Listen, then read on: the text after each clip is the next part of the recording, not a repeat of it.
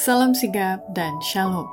Renungan kita pada hari ini, Rabu 2 Maret 2022, berjudul Aku besertamu untuk menyelamatkanmu. Ayat intinya terdapat di dalam Yeremia 15 ayat 20. Terhadap bangsa ini, aku akan membuat engkau sebagai tembok berkubu dari tembaga. Mereka akan memerangi engkau, tetapi tidak akan mengalahkan engkau sebab aku menyertai engkau untuk menyelamatkan dan melepaskan engkau. Demikianlah firman Tuhan. Pena Inspirasi menuliskan yang dimaksud dengan judul renungan kita pagi ini, Aku besertamu untuk menyelamatkanmu, sebagai petunjuk bagi kita agar dapat merasakan kasih Allah yang tiada bandingnya dengan menuruti perkataan nubuatan Yesus yang berkata, barang siapa yang bertahan akan selamat, adalah sebagai berikut. Pertama, Tanda seseorang telah merasakan perkataan Yesus, "Aku besertamu untuk menyelamatkanmu." Bila mana kebenaran itu telah memenuhi kebutuhan jiwanya, dan makanya orang itu mau mengkhotbahkan tentang Kristus.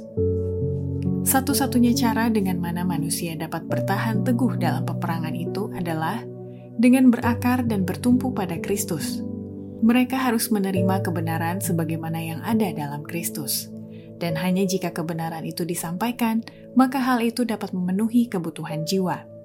Menghotbahkan Kristus yang tersalib, Kristus kebenaran kita, itulah yang memuaskan jiwa yang lapar. Bila mana kita memperoleh perhatian dari orang banyak terhadap kebenaran pokok yang besar ini, maka iman dan pengharapan dan keberanian akan datang ke dalam hati. Kedua, tanda seseorang telah merasakan perkataan Yesus aku besertamu untuk menyelamatkanmu, bila mana orang itu sudah menerima pendidikan yang serba bisa dan memperoleh keuntungan di tempat di mana saja mereka berada. Waktunya akan segera tiba bila mana umat Allah akan tercerai berai di banyak negeri akibat penganiayaan. Mereka yang sudah menerima pendidikan yang serba bisa akan memperoleh keuntungan di tempat mereka berada. Ketiga, tanda seseorang telah merasakan perkataan Yesus Aku besertamu untuk menyelamatkanmu, bila mana orang itu mau menyerahkan hati mereka kepada Kristus, sekalipun mereka dipisahkan dari rumah dan warisan mereka di dunia ini. Banyak orang yang karena iman mereka akan dipisahkan dari rumah dan warisan mereka di dunia ini.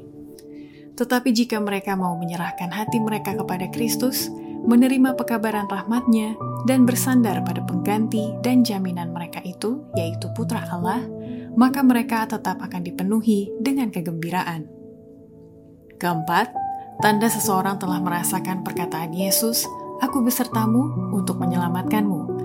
Bila mana orang itu selalu menyandarkan pengharapannya kepada Kristus di tengah kegelapan dan kesusahan, kita akan dapati bahwa kita harus menyerahkan segalanya kepada Yesus.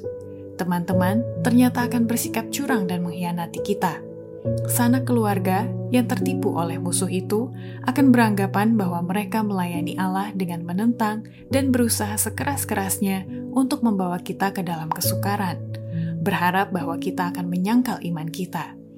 Akan tetapi, kita bisa menyandarkan pengharapan kita kepada Kristus di tengah kegelapan dan kesusahan. Demikianlah renungan kita pada hari ini. Kiranya Tuhan memberkati kita semua.